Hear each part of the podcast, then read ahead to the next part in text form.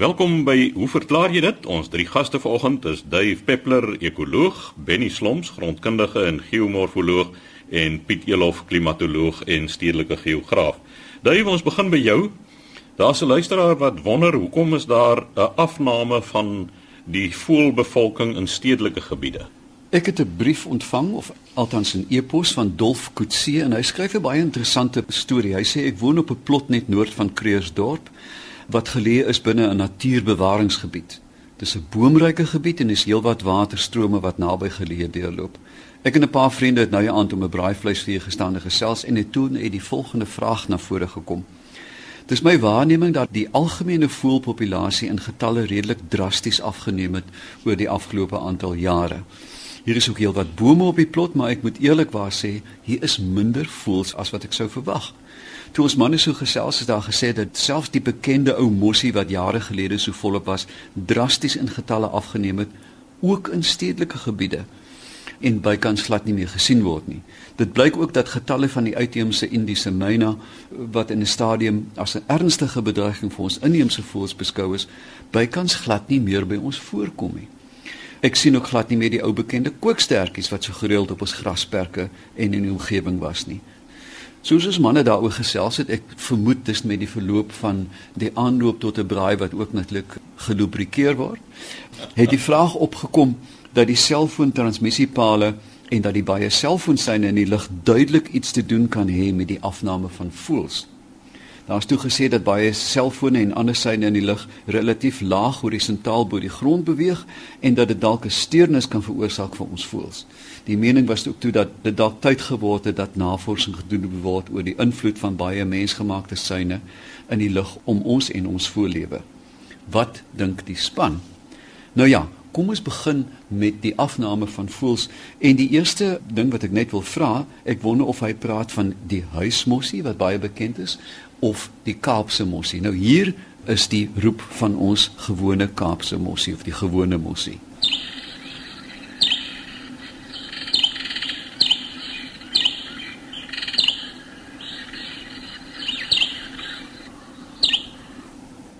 En dan die huismosie, daai mislike voeltjie wat Cecil John Rhodes ingebring het.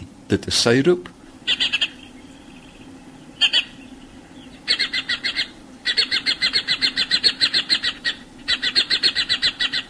Nou die laaste voeltjie wat ek gespeel die huismosie is die klank van die hele aarde. Hulle het reg om die aarde versprei.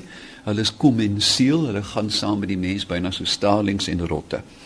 Nou ja, Kom ons dink 'n bietjie aan wat hier aangaan. Rondborstig moet ek erken dat ek nie die vaagste idee het oor die dinamika van golwe en radiogolwe nie.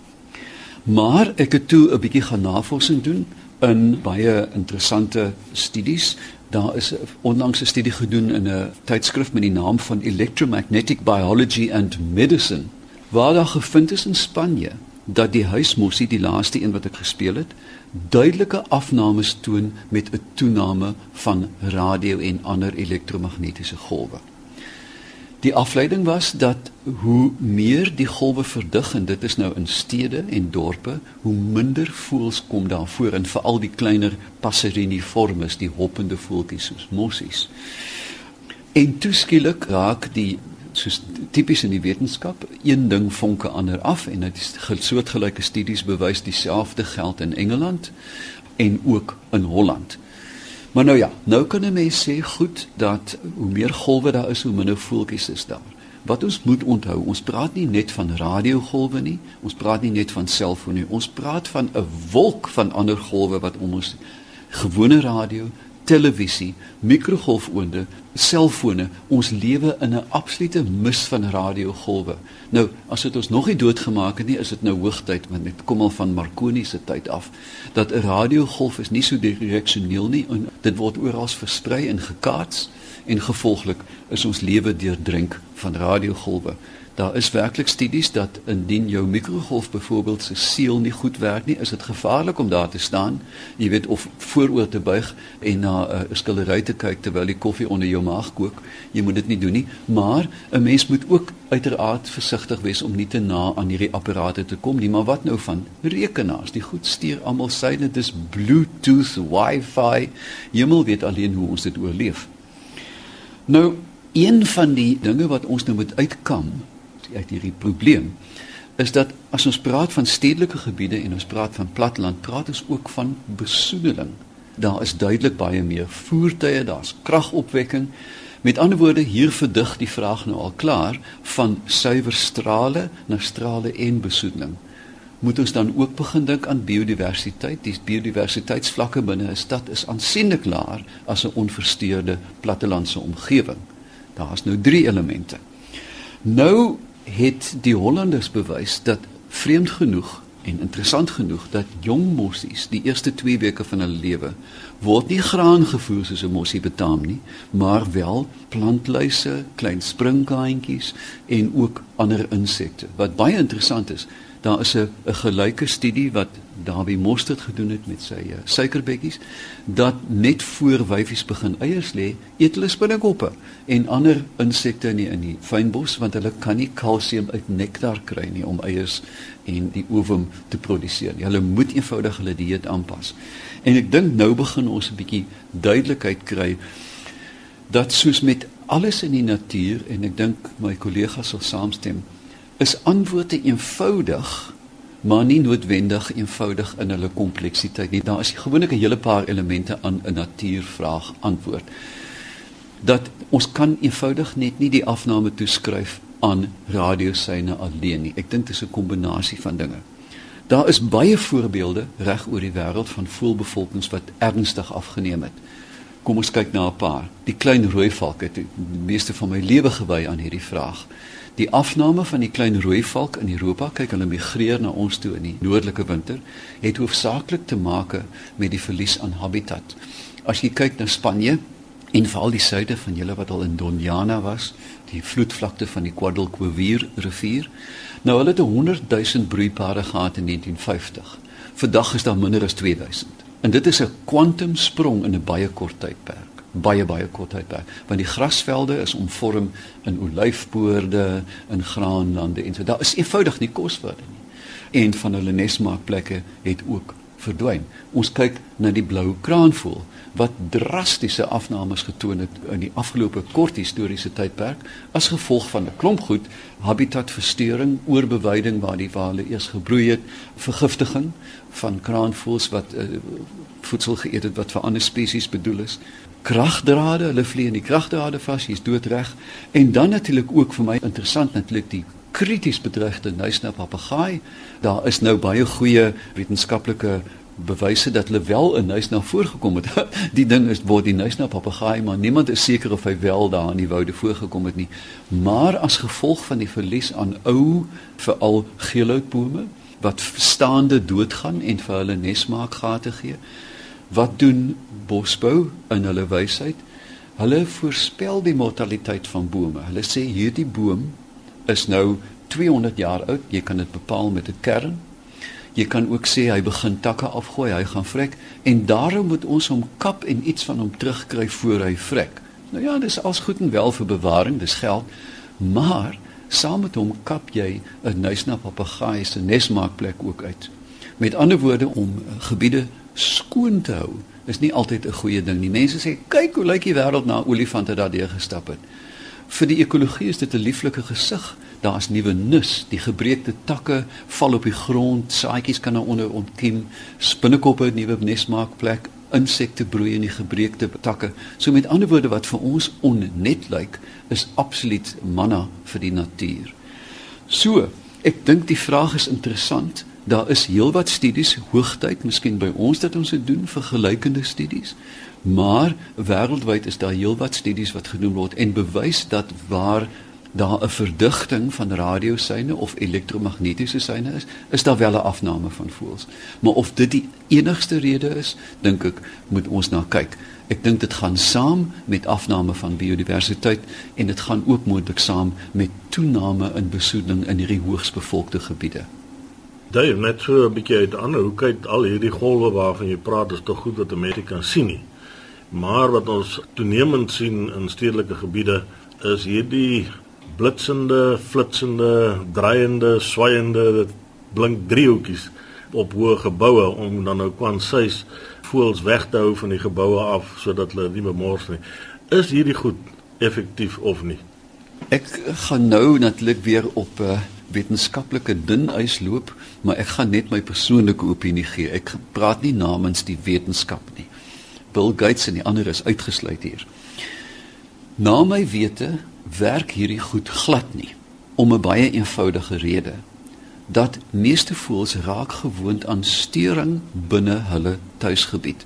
'n Pragtige voorbeeld is hierdie karbietskieters. Onthou julle in die ou dae was daar so 'n trompet op die graanlande waar ons kolgaanse geskiet het en dan elke nou en dan het water op karbiet gedrup en die gas is dan ontbrand en dan was daar 'n helse ontploffing en jy weet eh, die koeie se melk het opgedroog en die kinders het aan die chunk gegaan.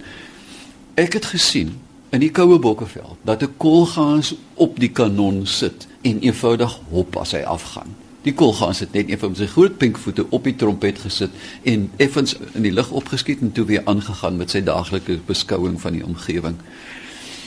Die goed gaan effektief wees vir 2 dae, 3 dae, tot die duwe gewoond raak en sê hierdie is eenvoudige agtergrondflits. Indien jy hulle kan programmeer om erraties te flits, 3 minute, dan 12 minute, dan 4 sekondes uitmekaar uit, heel moontlik. Maar 'n metronomiese gedraai van 'n piramide op 'n gebou, na my mening, gaan eenvoudig niks doen nie. Ons sien dit met hoeveel kure. Die antwoord op voels van geboue afhou in stedelike gebiede is 'n hersiening van die argitektuur. Jy moet geboue bou waar die byna sê ek die bliksems en ek wil dit sê, nie kan sit nie moenie vensterbanke bou wat na 'n kraans vir 'n kraansduif lyk nie. Bou een met 45 grade vensterbanke dat hy kan afgly en hy gaan nie nes maak nie.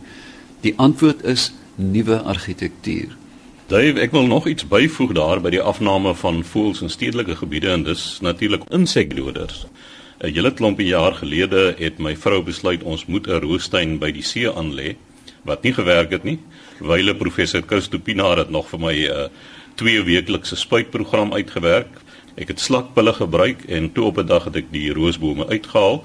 Ek het ook opgehou om slakpille te gebruik en ek het meer voëls op my werf as wat ek ooit gehad het.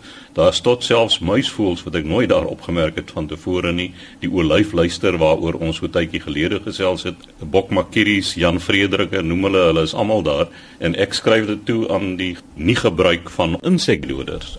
Jy's absoluut reg. Ek het skoon vergeet om die kokkie probleem aan te spreek.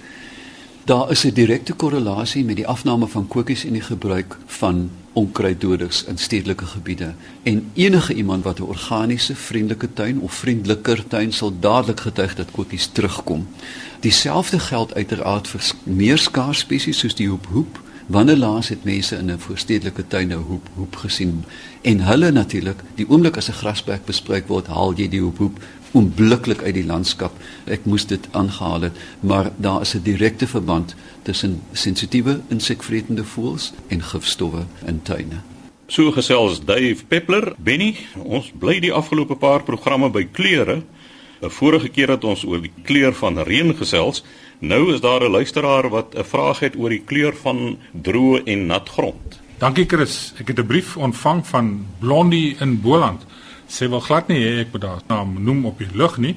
Nou in die brief skryf Blondie oor die verskil in grondkleure wanneer dit droog is en wanneer dit nat is en dan die winterkleure en die somerkleure. So wat ek wel kan sê Blondie is jy slat nie so blondie want jy het 'n baie baie belangrike eienskap van gronde het jy waargeneem. Dit is so dat gedurende die somermaande wanneer dit droog is hier in die Boland dat veral die boogrondkleure lyk gebleik. Baie van die gronde het hierdie ligte grys kleur en sodra hy nat word met besproeiing of die reën, dan is daar dieselfde grond donkerder grys van kleur. En dan sê Blondie ook, dit lyk vir haar asof die kleur verskil al is die grond droog, verskillend is in die winter en in die somer. Met daardie laaste stelling Blondie sal ons maar by mekaar nou uitkom. Maar jy is wel reg. Droë grond se kleur, kom ons noem dit, is ligter, minder intens as nat grond. Wat gebeur is die volgende. Die donker kleure is as gevolg van koolstof, organiese koolstof en jou geel en rooi kleure is as gevolg van yster. Nou dit is wanneer daar 'n beperkte hoeveelheid van hierdie elemente in die grond is, so die hele sandkorreltjie word nie oordek deur yster of koolstof nie. So kom ons sê 10 tot 20% van die oppervlakte van die sandpartikel word bedek deur yster of koolstof. So wat jy sien indien hy droog is, is 10% yster, 20% yster en dit gee vir jou die ligte kleur. Maar sodra die grond vogtig is en daar is higroskopiese water op die sandpartikel self, dan sal die konkawe meniskus wat vorm tussen hierdie ysterdeeltjies of koolstofdeeltjies wat sit op die sandkorrel, daai konkawe meniskus van die water maak dat meer van daardie yster of koolstof weer kaats word na die menslike oog. So jy sien eintlik meer yster, jy sien meer koolstof as wat daar werklik is rondom hierdie sandpartikels. Dit is hoekom nat klere, vogtige klere altyd donkerder is as droë klere. En die term gebleik wat jy hier noem, is 'n term wat ons gebruik in die grondkunde. En dit is 'n baie belangrike eienskap van gronde of hy gebleik is al dan nie, want dit gee vir ons 'n aanduiding van die hoeveelheid organiese koolstof veral in die boogrond. As ons na die ondergrond toe gaan of in die illuviale horison, die tweede horison in gronde wat nat word, dan gedurende die droë tyd het hy dalk 'n bietjie yster, maar hy vertoon amper wit. Sodra hy vogtig is, dan is daar dieselfde laag in die grond as geel. As jy sê daar is wel yster, sien ons maak 'n groot onderskeid tussen gronde wat wit bly in die vogtige en die droë toestande wat geen yster het nie en gronde wat wel yster het in die eehorison. So mens kan dit slegs agterkom in die vogtige toestand dat daar wel yster teenwoordig is. Ek dink dalk 'n interessante voorbeeld is grondprofiele as dit kom by vlei lande want ehm um, mense het baie met konsultasie te doen is waar lê die grense van 'n vlei land en een van die min maniere om dit te bepaal is om na die grondhorison te kyk nou daardie permanente band wat jy sien van verdrinkte gronde verduidelik 'n bietjie die kleur daar. Dit is 'n tweede horison in grond Dave. Onderkant die boogrond wat gewoonlik donker grys van kleur is of selfs swart van kleur is dan kry jy hierdie ligte laag. Ons praat daarvan as 'n illuviale laag daardie gebleikte laag en hy's lig van kleur omdat as gevolg van die reduksietoestande wat jy kry wanneer daai grond versadig is met water dat al die kleurstowwe verwyder word. Die yster in sy oksidasietoestand word gereduseer en dit word dan uit die stelsel uit verwyder. Dit is hoekom jy daai wit laag kry onderkant jou boogrond en bokant jou klei laag dieper in die grond. So om hierdie probleem van hierdie kleurvariasie uit te skakel as ons grondprofiele beskryf, maak ons gebruik van 'n Mansell kleurkaart. Dis 'n boekie met kleurkaartjies in wat standaard is wêreldwyd, met ander woorde so 'n gestandaardiseerde manier waarop ons kleure meet. En dit is ook standaard dat ons die kleure weergee in die droë toestand en in die vogtige toestand. Goed, as jy in die winter grondopnames doen, dan is al die kleure is uit die aard van die saak vogtig maar in die somer dan maak jy van die grond 'n bietjie nat om die vogtige kleur ook te kry. Dan het jy beide kleurnotasies in die winter en die somer. Maar blondie, hierdie vraag van jou dat dit lyk vir jou al is die grond droog, is daar 'n kleurverskil tussen die winter en die somer? Nou uh hier het jy my. Ek is seker daarvan. Indien jy die Mansell kleurboekie vat en jy gaan meet werklik die kleur van 'n droë grond in die winter en 'n droë grond in die somer, dan gaan jy presies dieselfde antwoord kry. Dit is net die ligintensiteit is net soveel skerper in die somer wat vir jou daai persepsie gee dat die gebleikheid baie meer intens is as wat dit in die winter is. Nou laat jy so van Mansell kleurkaarte praat. Dit gee my matelose plesier is dat ons hierdie kleure nie elektronies kan weergee nie want geen apparaat gee dieselfde kleur nie. Dit is 'n groot vaandel vir die boek in die hand. Jy kan hom eenvoudig net op 'n mansel kleurkaart kry want dit kan gekontroleer word. Heeltemal reg, Dave. Dit is nou een van daardie hulpmiddels wat eintlik onontbeerlik is vir 'n ordentlike grondprofielbeskrywing deur grondkundiges. En dit is standaard, almal weet presies waarvan jy praat as jy 'n sekere kleur genoteer het in terme van sy skerpheid en in terme van die kroma van die kleure. So sê Benny Sloms, volgende aan die beurt, Piet Elof, jy gesels oor laagdrukstelsels. Chris, ja, ek het 'n uh, kort briefie gekry van Wimpie daar uit Port Elizabeth. Hy sê hy is verward. hy sê hy hoor van tropiese siklone, buitetropiese siklone, tifone, orkane, tornado's, draaistorms, winddose, wervelstorms. Hy sê help asseblief. Wimpie, dis lang antwoorde op van hierdie dinge, maar miskien deur 'n paar voorbeelde te noem sal ons kan onderskei tref tussen al hierdie verskillende goed. Die eerste ding wat hulle almal gemeenskaplik het en dit is dat dit laagdrukstelsels is. Dit is stelsels waar lug konvergeer. Natuurlik op verskillende skale en plekke oor die aardbol heen. Tornado's, die Amerikaners praat ook van twisters. En ons het al gesien daar is rolprente gemaak oor die Amerikaners wat hierdie verskynsel jaag, jaag daarna toe of wegjaag van hulle af. Nou, dit is gewoonlik so 'n stelsel wat ontwikkel uit cumulonimbus wolke uit en normaalweg, normaalweg ontwikkel dit oor land. Suid-Afrika kan dit ook op land ontwikkel en ons kry tornado's in die binneland in die Vrystaat en Noordwes-Kaap gebiede kry ons dit van tyd tot tyd. En selfs hier in die Wes-Kaap is daar al voorbeelde van sulke tornado's gewees. En ons sien dit aan die resultate van daai storms hoe hulle oor die Kaapse vlakte gaan en dan 'n streep van verwoesting nalat. En vanuit die lug uit op lugfoto's kan 'n mens dan ook kyk na die materiaal wat rondgeslinger is en gewoonlik as dit weg geslinger is na buite toe dan gee dit vir jou aanduiding. Omdat hierdie laagdrukstelsels lug het wat konvergeer styg dit en in die bolig dan gooi hy die ek wil amper sê die gemors na die kante toe. Orkane in Engels praat hulle dikwels van hurricanes ander dele van die wêreld praat hulle van tifone van tropiese siklone. Ons praat in Afrikaans meer van tropiese siklone Die omgewings natuurlik waar dit voorkom is hoofsaaklik ontwikkel dit oor die seegebiede, so tussen 5 25 grade suid en noord van die ewenaar. En uh in die westelike Stille Oseaan, daar praat hulle meer van tifone of in Engels sal hulle praat van typhoons.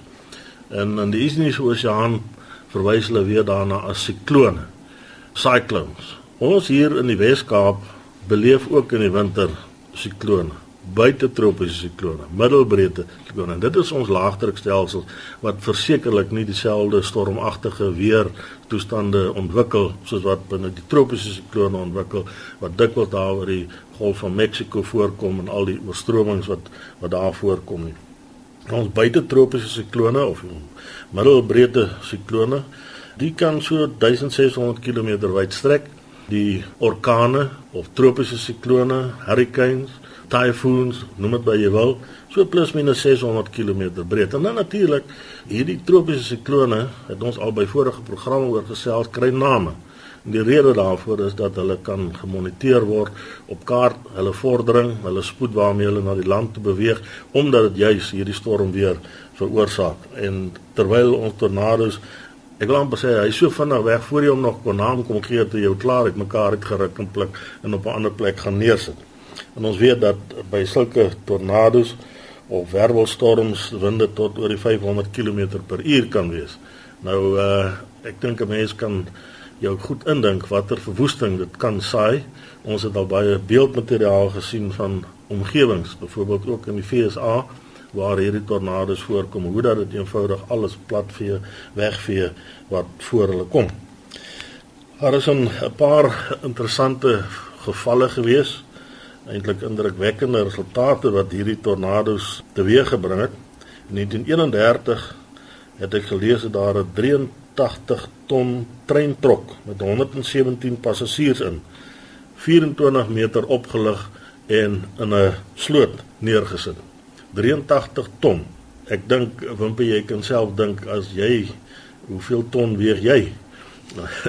hoe ver daardie storm jou sou gevat het en en erns gaan gaan neerplaas. In 1970 is 'n 18 ton staal trok plus minus 1 km ver verskuif deur so 'n tornado, deur so 'n storm.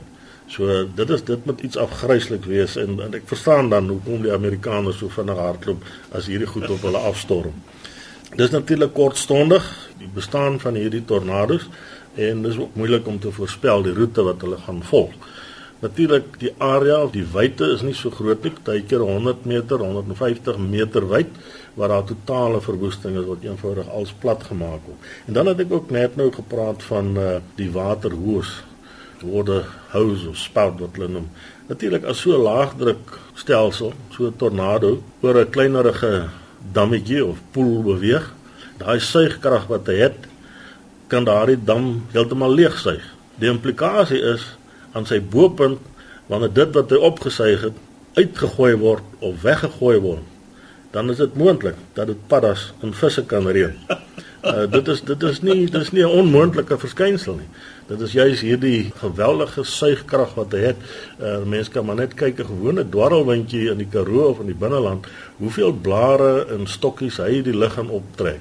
Nou ja, die tornado's waarvan ons hier gepraat het, is natuurlik iets wat op 'n baie groter en meer intense skaal plaasvind. So, wimpie ja, hier is 'n klomp name.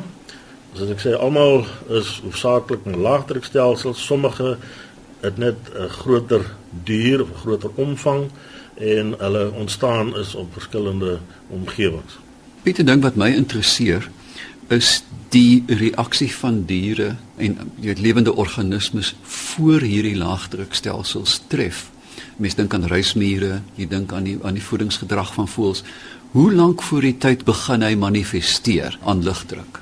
Kyk ons het uh, geruime tyd terug het ons dink ek amper twee programme wat ons aan deelgeneem het, het ons onder andere hierdie insetsels gehad juis oor diere se reaksie as sogenaamde weervoorspellers, weer wat gaan verander. En uh die bietjie leeswerk wat ek hieroor gedoen het, dui daarop dat hierdie insekte en diere uit die aard van die saak uit baie fyner aanvoeling het vir verandering in lugdruk. Daarom die gedragspatrone wat verander. En uh hoe lank voor die tyd is dit is nie ek kan ongelukkig nie daarop antwoord nie. Maar dat hulle baie gouer as die mens agterkom, men ons gaan kyk na 'n barometer of 'n barograaf wanneer ons vasstel, jy weet, val die glas asseblief moet hom nie laat val nie. Hy gaan breek, sak sak die lugdruk of styg dit. Jy weet, ons moet daarna gaan kyk terwyl hulle daai aanvoeling het en dan raak die jong kalvers en lammers baldadig en spring rond en gaan te kere of die voëls veral as daar sulke swaar storms aan die kom is en 'n mens hou die natuur fyn dop dan sal jy sien daar is 'n bietjie van 'n van 'n haas en 'n ernstigheid in die vlieg van voëls in 'n spesifieke rigting veral dikwels as daar haalby aan die kom is dan het ek nou al waargeneem dat duwe hulle maak redelik skoon voor om pad te gee uit daardie storm uit En daar het die tyd ons weer ingehaal. Ons sê dankie aan ons drie spanlede, Piet Elof, Benny Sloms en Dave Peppler. Skryf gerus aan, hoe verklaar jy dit? Posbus 2551 Kaapstad 8000 of 'n e-pos aan chris@rsg.co.za.